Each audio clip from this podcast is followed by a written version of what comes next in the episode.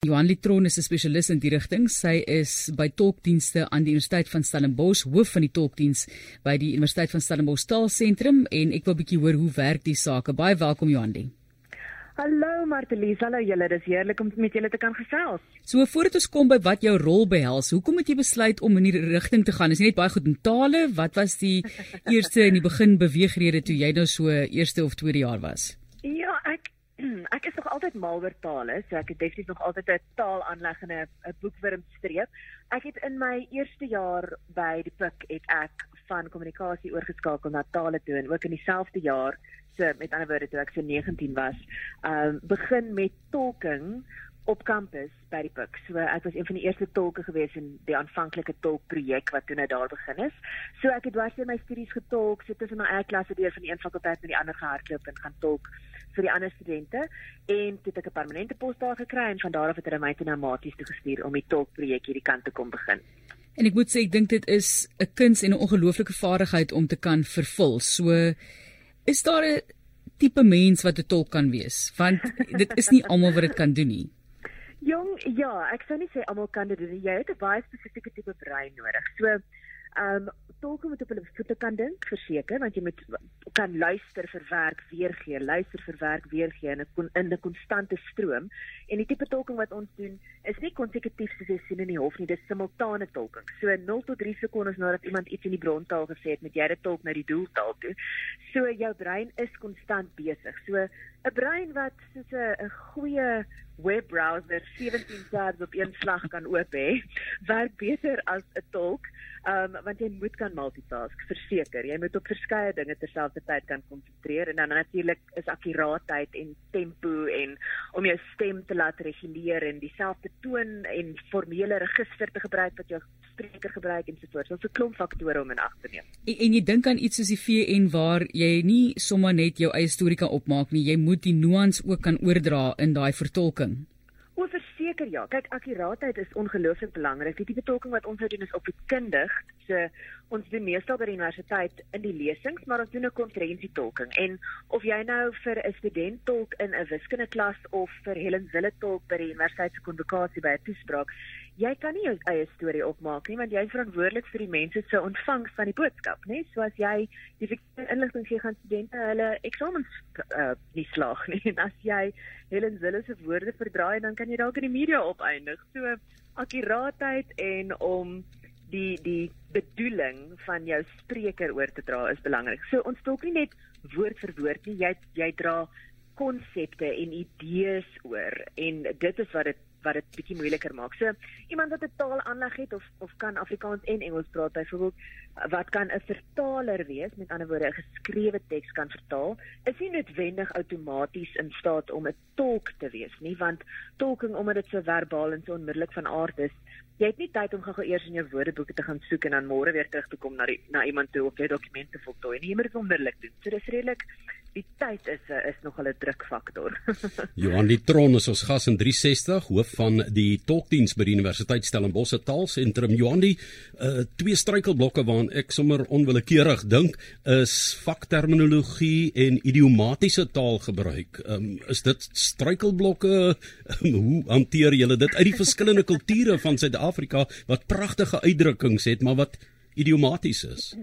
Jong, dit hou dinge definitief interessant kom ek beantwoord die idiomatiese een eerste. So, ehm um, as tolke maak ons seker dat ons die nuance verstaan en dat ons die die idiomatiese uitdrukkings ook die ekwivalente van ken. Ons ek spot altyd as ek met nuwe dosente werk en sê selfs as jy 'n kragwoord gebruik, in jou lesing gaan ons probeer seker maak dat ons 'n ekwivalente kragwoord in ons tolking daarvan gebruik sodat jy nie harder of minder vloek as jy dan nou sou wou vloek nie. So dit is belangrik as ons byvoorbeeld 'n woordspeling nie presies woord vir woord kan vertaal nie, dan gaan ons probeer om 'n ekwivalente verduideliking te gee of te sê hierdie grappie is snaaks omdat die spreker dit in hierdie taal gebruik en dit beteken so iets. As jy tyd het daarvoor. So soms gaan dit beteken jy omskryf dit, maar meestal kan ons nogal die ekwivalente daarvan raak sien.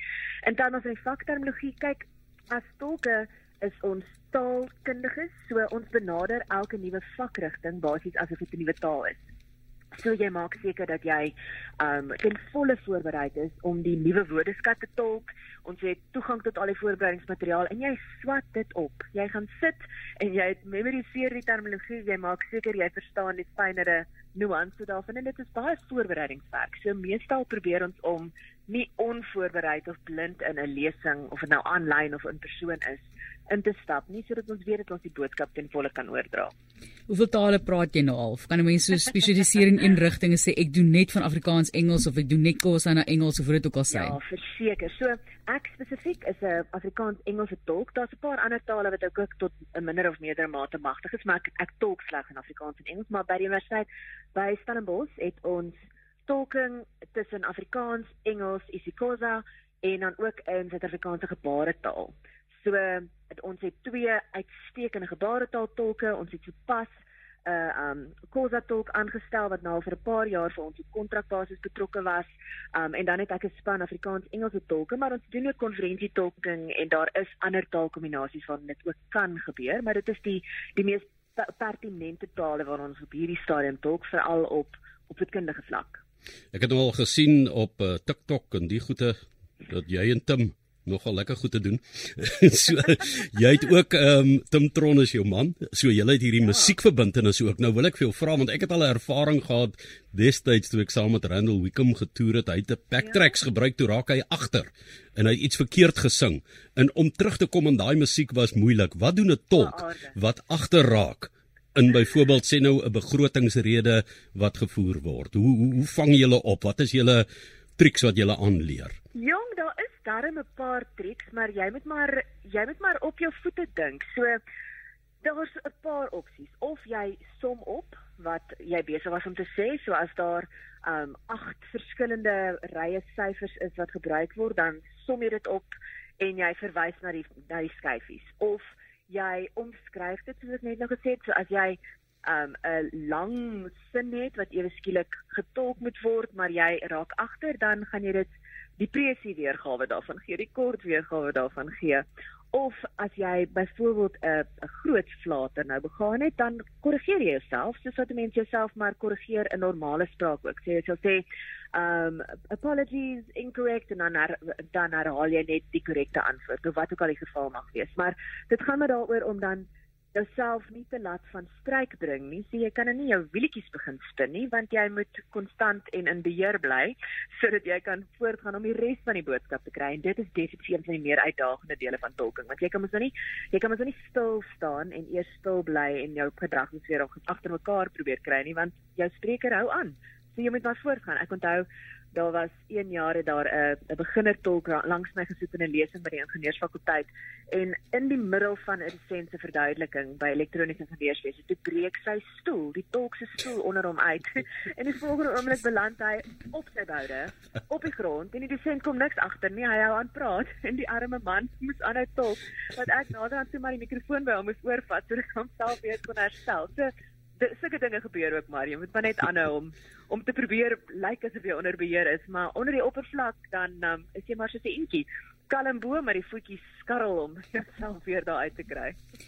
ja, ek kan my voorstel dit is omtrent uitdagend en ons weet ook met ons veel veelvuldige tale in die land dat ons hele dienste baie benodig ook om vir, vir mense ook te laat op 'n manier praat in hulle eie stem. Dit is baie moeilik byvoorbeeld in howe vir 'n ou om te kom en sy saak te stel wanneer hy nie byvoorbeeld Engels magtig is nie of dit nie eers 'n tweede taal vir daai persoon is nie.